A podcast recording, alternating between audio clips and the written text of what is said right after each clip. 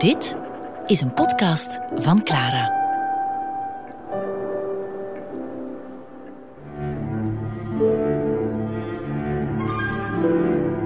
Leven en lijden van Godfried Bomans. Met Padone. Godfried Bomans onophoudelijk gekoketteerd met de 19e eeuw levert hem de bijnaam de ontvroren 19e eeuwer op. Als president van het Dickens-genootschap, een herensociëteit die Dickens aanbad, kon hij hem foutloos uit het hoofd citeren. Maar ook Goethe en de sprookjesschrijver Andersen lagen bij hem in de bovenste lade. Misschien, zo opperde de volksschrijver op een onbewaakt ogenblik, misschien heb ik gewoon de verkeerde eeuw uitgekozen. Er is een wet, geloof ik, en die luidt zo. De snelheid van de tijd wordt groter naarmate we aan het leven gewend raken. Godfried Bomans liet zich graag omgeven met antiek. Hij noemde het een eigenaardige neiging en een teken aan de wand. Want, zo zegt hij, wat betekent dat anders dan een vlucht uit het heden? Kijk maar om je heen, bij jou thuis en bij mij. Wat een boel lievigheid van vroeger.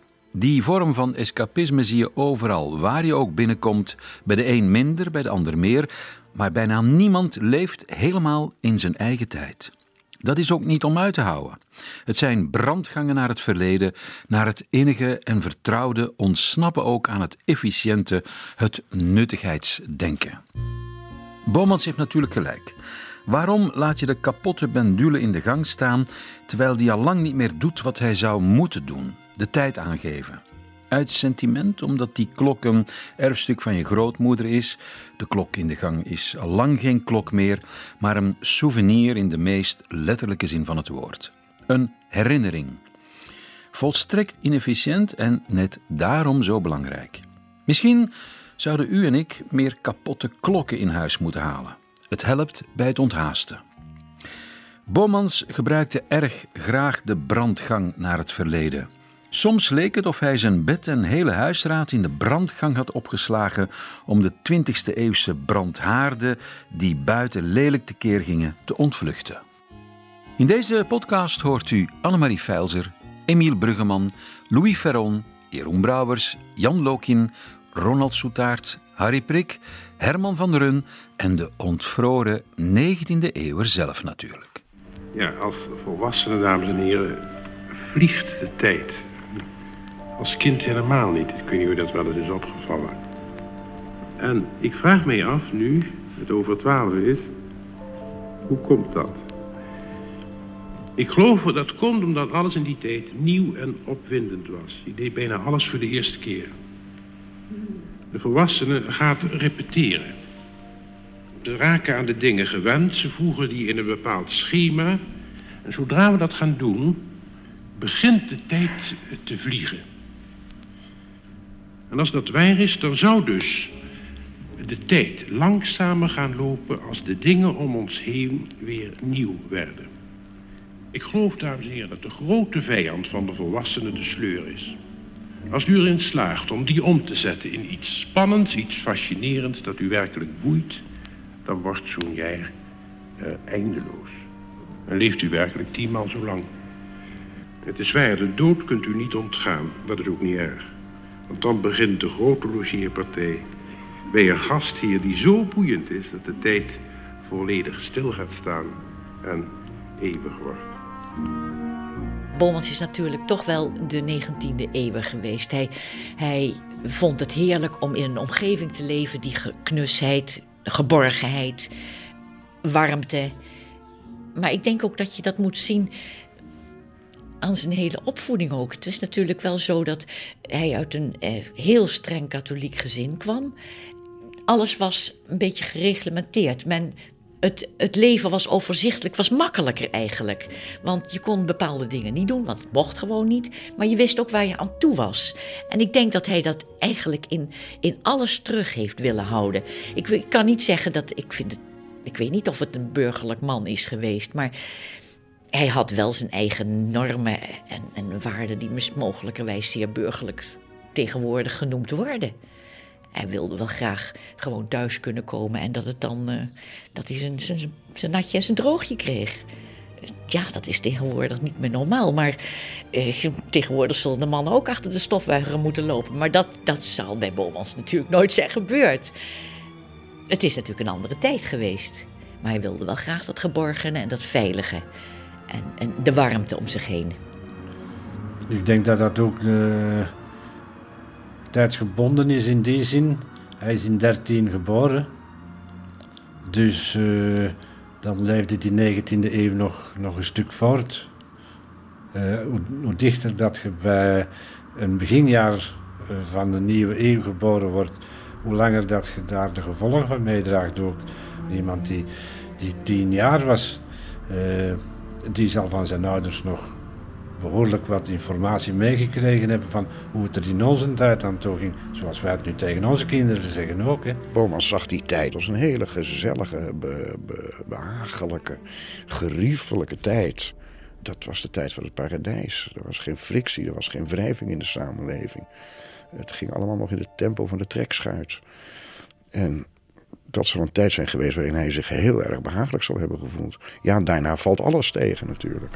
Bomans had een voorliefde voor, voor de 19e eeuw. Wat, wat voortkwam uit, uit sentimentaliteit en wereldvreemdheid. Alsof hij bang was van zijn eigen tijd. Die 19e eeuw, dat vond hij, dat, dat beschreef hij als knus en gezellig. En, mm, terwijl als hij zich werkelijk verdiept zou hebben in de 19e eeuw, hij nogal van de koude kermis thuis zou zijn gekomen. Zo vrolijk was die eeuw niet. Met... Uh, kinderarbeid, arbeid, arbeidersonderdrukking, uh, algehele armoede, uh, sociale tenachterstelling enzovoort. In die zin was die, was die 19e eeuw helemaal niet zo leuk.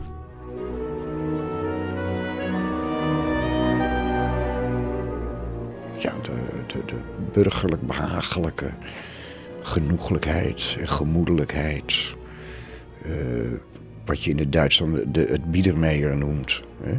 En Biedermeier, dat is een ideologisering, nee, een idealisering uh, van een samenleving die in de tijd van het Biedermeier zelf al niet meer bestond. Dus dat, in zekere zin heeft Bomans er nog uit de tweede hand geput ook. Hè? Dat is een tweedehands ervaringswereld geweest. Want het Biedermeier zelf was al fake. Want het Biedermeier, het was de tijd van de opkomende industrialisatie, van, van, van, van, van, van de opkomende proletariaat. En de, de, schrijvers, schilders die voor typisch Biedermeier doorgaan, zijn schilders die daar meestal aan voorbij kijken. Die alleen nog maar het ideale gezinnetje neerzetten. Met een vrouwtje en een vadertje en een gezinnetje. Die op de Alpenwei gezellig bloemetjes aan het plukken zijn en dat soort dingen. En dat aspect, dat heeft, dat heeft Bomans vooral beïndrukt. Hij had wel erg veel 19e eeuwse trekken. Victoriaans trekken. En hij voelde zich ook in de 19e eeuw heel, heel erg thuis. Ik geloof dat hij zich niet zo thuis voelde in de, in, uh, in de, in de televisietijd zoals die nu is. Dat denk ik zo. Het past waarschijnlijk ook bij, bij de sfeer in Bloemendaal. Hè. Je hebt dat rond elke stad. Hè. Zo, uh, de duurdere wijken, waar een levensstijl, waar eigenlijk de levensstijl vooral bestaat uit een imitatie van iets dat verdwenen is uit het verleden. Hè. En dat wordt dan gekoesterd alsof men in dat verleden gaat leven. Mensen hebben zeer weinig fantasie uiteindelijk. Als ze zich het goede leven voorstellen, gaan ze vaak gaan leven zoals 100 jaar geleden, maar dan wel met het comfort van, van vandaag. Hè.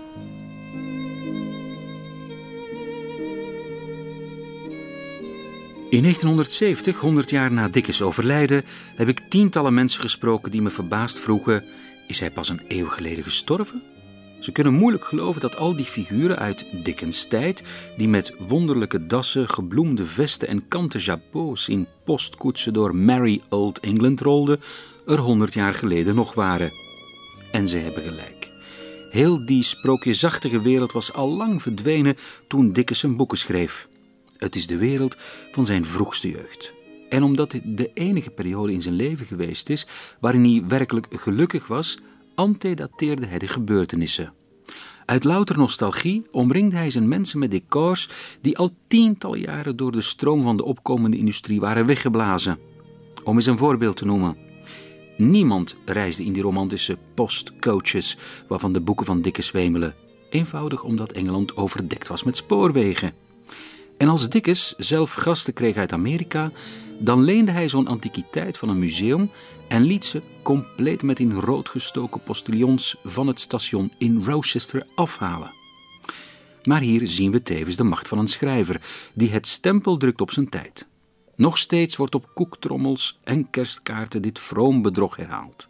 Wel doorvoede heren die ons in verrukkelijke ouderwetsheid uit de venstertjes van logge rijtuigen wel willen toezwaaien. De Dickens Period. Geesten zijn het, zoals Scrooge ze voor zijn raam voorbij zag zweven, schimmen uit het verleden.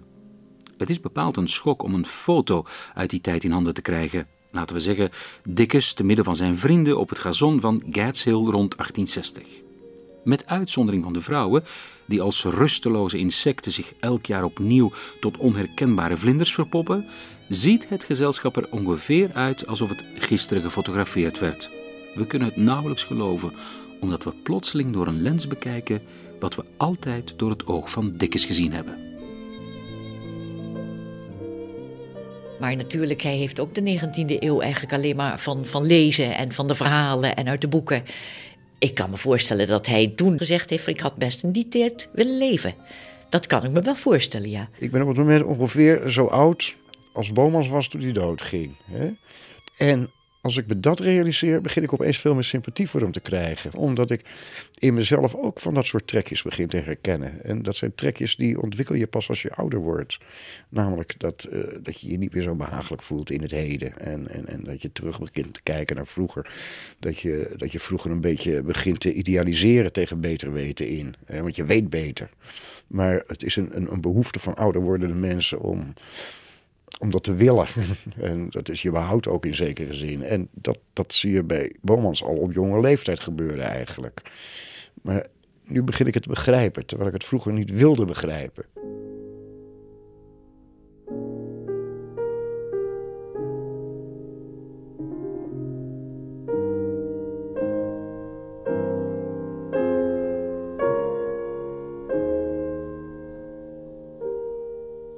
Bomans was niet een belezen man, dat in de eerste plaats. Bo Bomans was niet op de hoogte van uh, de literatuur van na de oorlog. Dus dat, daar waar de generatie Reven, Hermans, Mulies, Blamman en, enzovoort uh, uh, ontstonden. Nog eens, hij, hij, hij was ook daarin in zijn lectuur conservatief. De Haarlemmer Bomans heeft het zijn hele leven gehad over de Haarlemmer Nicolaas Beets. Dat is dus de schrijver van de Camera Obscura. Die trouwens één jaar voor of na De Leeuw van Vlaanderen verscheen, dat boek. Um, hij had het over Andersen, hij had het over uh, Charles Dickens, hij had het over Goethe en zo. Een, een, een, literaire smaak die overeenkomt met, met de Biedermeier-tijd. Hij, hij, kwam daar niet overheen. Hij had zo'n heimwee naar uh, wat die schrijvers uh, representeerden, deden, schreven, dachten. Dat er voor Bomans helemaal niks anders meer bestond dan, uh, dan, dan dat. Zijn literaire belangstelling hield op in 1860, daar ergens zijn taalgebruik, wat archaïsch taalgebruik. En eh, de, manier waarop hij zijn humor, zijn, zijn, zijn, zijn, komische zinnen formuleerde, dat, dat, dat, dat, kon je zo bij uh, de Camera Obscura van Beets halen. Nou, voor wat, dat uh, ligt me dan even niet voor de hand, maar ik heb de Camera Obscura niet uit mijn hoofd geleerd.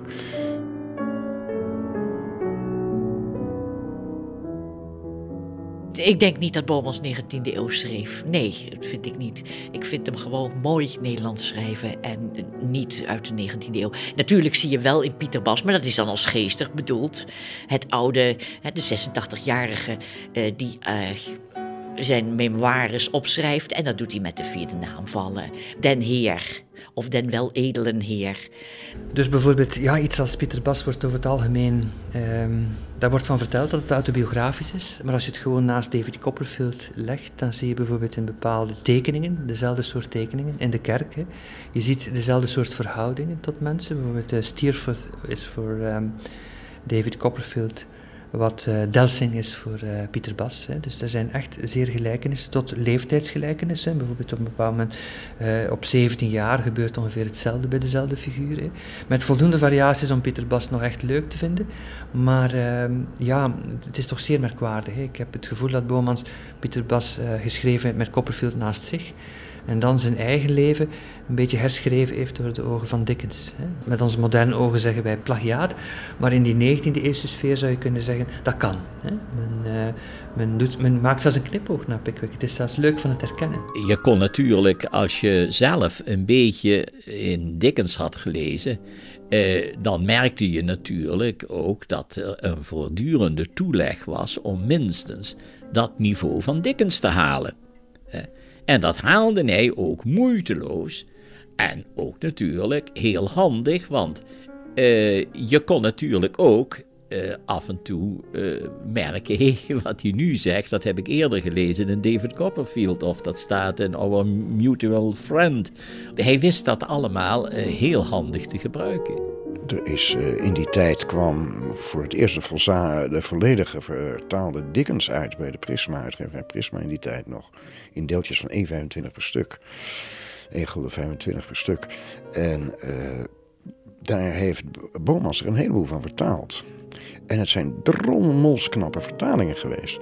Kijk, en daar lag natuurlijk weer wel een beetje van zijn kracht omdat hij zich die tijd zo had eigen gemaakt en hij bovendien een zeer vaardig taalkunstenaar was, was hij natuurlijk wel de aangemeten man, aangewezen man om Dickens te vertalen. Want hij was congeniaal met Dickens min of meer, op bepaalde gebieden althans.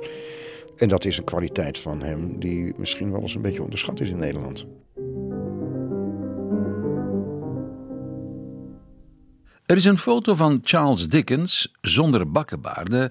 Die moet zijn genomen toen de fotografie op wankele benen stond, omstreeks 1845. Eh, Uit Dickens' kin en mond spreken volgens Boman zijn vastbeslotenheid en onstuitbare energie uit.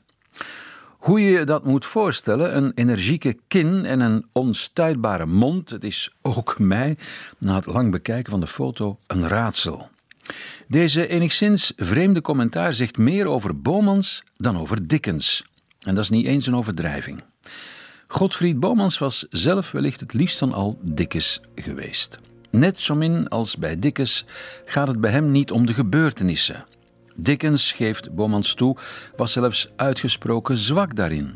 Het gaat om de manier waarop die gebeurtenissen verteld worden, de toon, de stijl, kortom, de persoonlijkheid van de schrijver.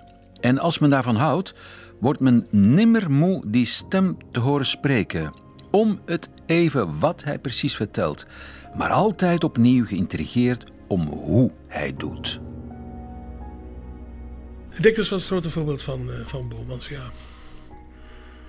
Maar dan nog was hij meer geïnteresseerd in alles omtrent Dickens, alles over Dickens. Hield Dickens van sigaren? Hield, uh, wat dacht Dickens over de opkomst van, van, van, de, van het wielrijden en dat soort gelul, zoals ook in het leven van Goethe uh, op te merken valt. Dus alles over of rondom een bepaald fenomeen, dat, dat wilde hij weten. Op school was met name zijn oude vriend Harry Prene. Die kwam met David Copperfield aanzetten, het boekje. En die zei tegen de twee jaar oudere Bomans: Dat moet je eens lezen, dat is een goed boek. En daarna zijn ze het uh, helemaal gaan navoeren eigenlijk. Een beetje de Dickens-stijl hebben ze samen verheven tot een soort cultuur. Ze, ze noemden elkaar ook, eh, ja, met name die Dickens in zijn romans gebruikt. De mare gaat dat hij uh, de grootste Dickens-bibliotheek ter wereld had op die van het, van het Dickens-genootschap in Londen na. Hij zou 1800 boeken over Dickens bezeten hebben. En wie weet ook gelezen. Ik neem aan dat hij ze allemaal gelezen heeft ook. Ik ben president van de Dickens Fellowship in Nederland. Eh, de Dickens Fellowship is een uitermate curieus genootschap. Dat zit als om een potkacheltje om Dickens heen. Er zijn ongeveer 50 branches of takken. Ongeveer een twintigtal in Engeland en een ruim dertig daarbuiten. Um, het is, zoals ik u zei, heel merkwaardig dat er om zo'n man zo'n vereniging bestaat. Dat geloof ik niet dat bij één schrijver in de wereld het geval is.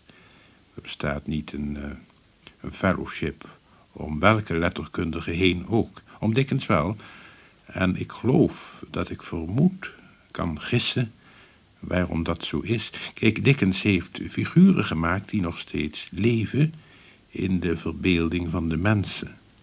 Uh, iedereen weet wie Pickwick is en Sam Weller en Mr. Micawber.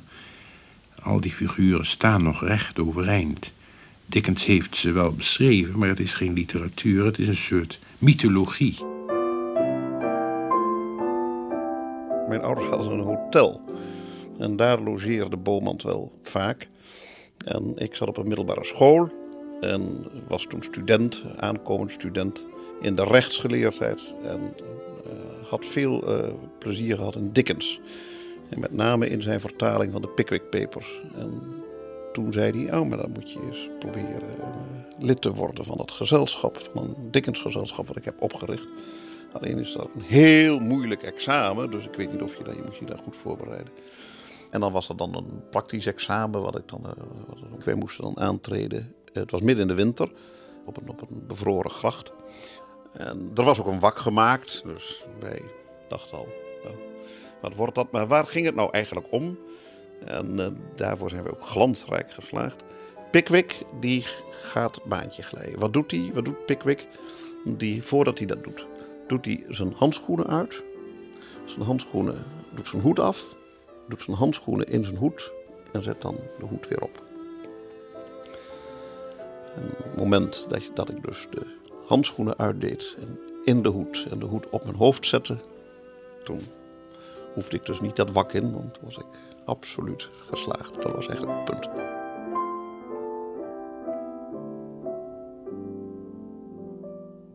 Ja, als jij een, een, een, fanclub voor een schrijver opricht en je gaat vervolgens in de, in de kleren van die schrijvers een tijd rondlopen en gezellige feestjes geven, à la dan gaat die bewondering erg ver. Ik vind dat anderzijds ook, vind ik, moet ik dat eerlijk bekennen, vind ik dat ook een beetje een seniele vorm van bewondering. Ik vind een beetje een kinderachtige vorm van bewondering. Als ik een schrijver zeer waardeer, dan ga ik die waardering niet uiten door, door me te kleden in de mode van de schrijvers tijd. En dat, dat vind ik een beetje, dat vind ik een beetje kinderachtig. We hebben dus uh, ook wel eens van die diners gehad, waar we dan allemaal in een Dickensiaans kostuum. Als je, ja, eerst denk je altijd, ja jeetje, hoe moet je dat nou doen? Als je er nou eenmaal in zit en je zit ook aan tafel, dan heb je ook weer eigenlijk erg veel eh, plezier. Maar hij trad ook alleen op in, een soort Victoriaans kostuum om dan over Dickens te praten. Dat uh, ging natuurlijk nog verder, ja, zeker. Maar hij vereenzelvigde zich daar kennelijk mee. Dat. Ik hoorde laatst een anekdote en ik denk niet dat dat bekend is. Misschien de anderen die, die dat ook weten of mee hebben gemaakt. Maar Bomans moet het hebben gepresteerd om iemand in te huren die voor zijn huis in de wintermaanden maanden rondliep. Om heel hard hoe en wat is het koud en boe en met zijn armen slaand moet hebben rondgelopen om het echte krakende vriesweer na te bootsen. Dat heeft Dickens dus beschreven in een paar van zijn artikeltjes en dergelijke. En ja, dat. Uh, en dus ik heb bijna het idee dat Bomans op dat vlak Dickens helemaal, helemaal heeft nagelopen en helemaal heeft geïmiteerd. Dat Dickens clubje was dat natuurlijk ook. Dat waren natuurlijk uh, standgenoten. Je kunt rustig zeggen standgenoten. De mensen uit de advocatuur, uh, mensen uit de medische wereld. Hè? Dat is een beetje dat, dat uh, zeg maar de, de higher middle class waar hij zelf ook vandaan kwam. En dus dat, het was ook om, een beetje om je eigen stand te accentueren ten opzichte van andere mensen. U weet dat Bilderdijk hier gestorven is in een van de lokalen hierboven. Het was nog niet, een café, maar een particulier woonhuis. Waar uh, Bilderdijk, die zijn dood 32 jaar lang voorspeld heeft, elk jaar vergeefs, ten slotte de laatste adem heeft uitgeblazen. Hij noemde zich Graaf van Dijsterband. Deze graaf van Dijsselband is dus hier overleden.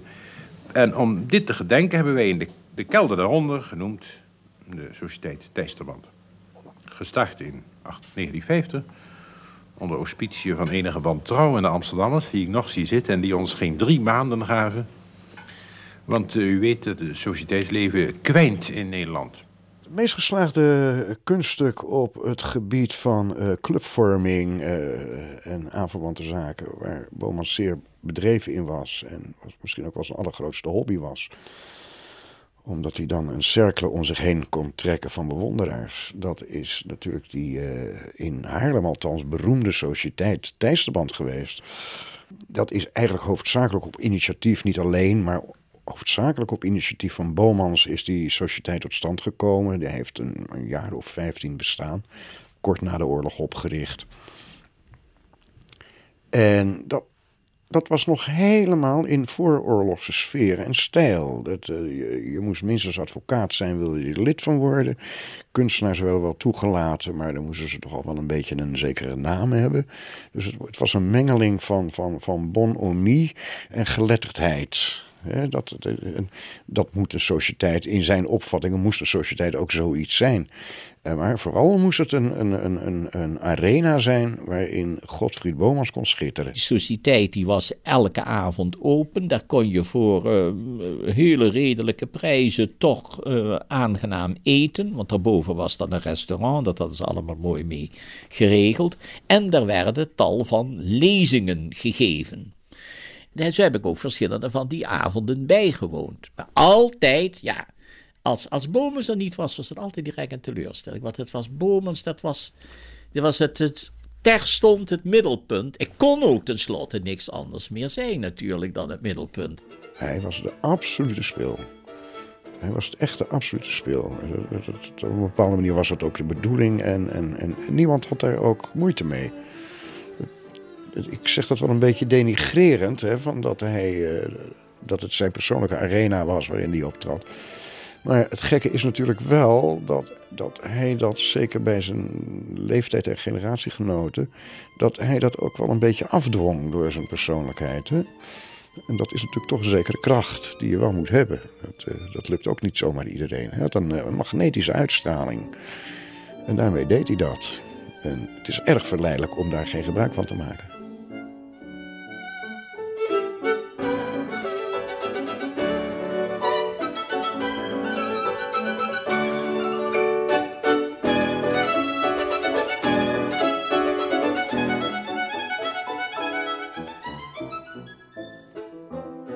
Was ook een beminnelijke man, Godfried.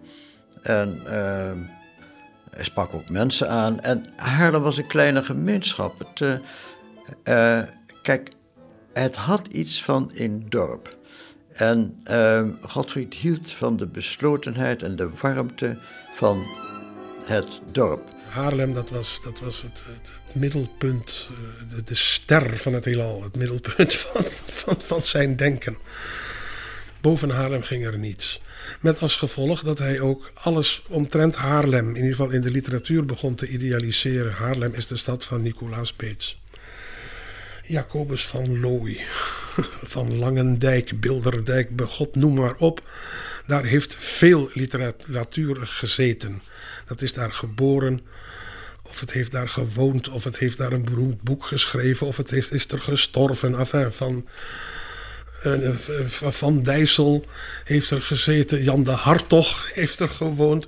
Mulies is er geboren. Dus dat is één grote klont literatuur. Waar Bomans in, in, in mee cirkelde. Hij was notabene zelf eigenlijk een Hagenaar. Hè? Want hij is geboren in Den Haag. Maar dat, dat zei hij dus nooit. Hè? Dat is pas tot iedereen doorgedrongen na zijn dood. Ik heb ook altijd gedacht dat hij geboren uh, Haarlemmer was. Hè? En hij heeft al oneindig veel over Haarlem uh, geschreven. En als je dan zegt Haarlem, dan zeg je ook weer Nicolaas Beets, die notabene in Haarlem is geboren. Dan zeg je ook Bilderdijk, die in Haarlem heeft gewoond. En uh, dat waren allemaal mensen waarin hij uh, goed thuis was. Beets was een paus. Van Dijssel was een paus. Vervolgens Mulies was een paus. Allemaal uit Haarlem afkomstig. En Bomans heeft daar zo'n beetje tussenin ge gezweefd tussen Van Dijssel en Mulies. En Bomans is dus een tussenpaus te noemen. Echt, eh, echt, echt gezag, zoals een echte paus behoort te hebben, heeft Bomans nooit bezeten. Daarvoor, daarvoor werd hij toch te veel. Nou ja, de komiek, de, de leuke gaard, de, de, grappenmaker uh, gevonden Ja, dat tot zijn eigen schade. Want hij had best paus kunnen zijn als hij was afgestapt van, van, van die olijkheid van hem. Die, dat, dat, dat, dat kneuterige, knurftige dat, dat Bomans had, had hij, daar- was hij daar nog maar mee opgehouden. Ontdek ook onze andere podcasts via clara.be. Clara Podcast.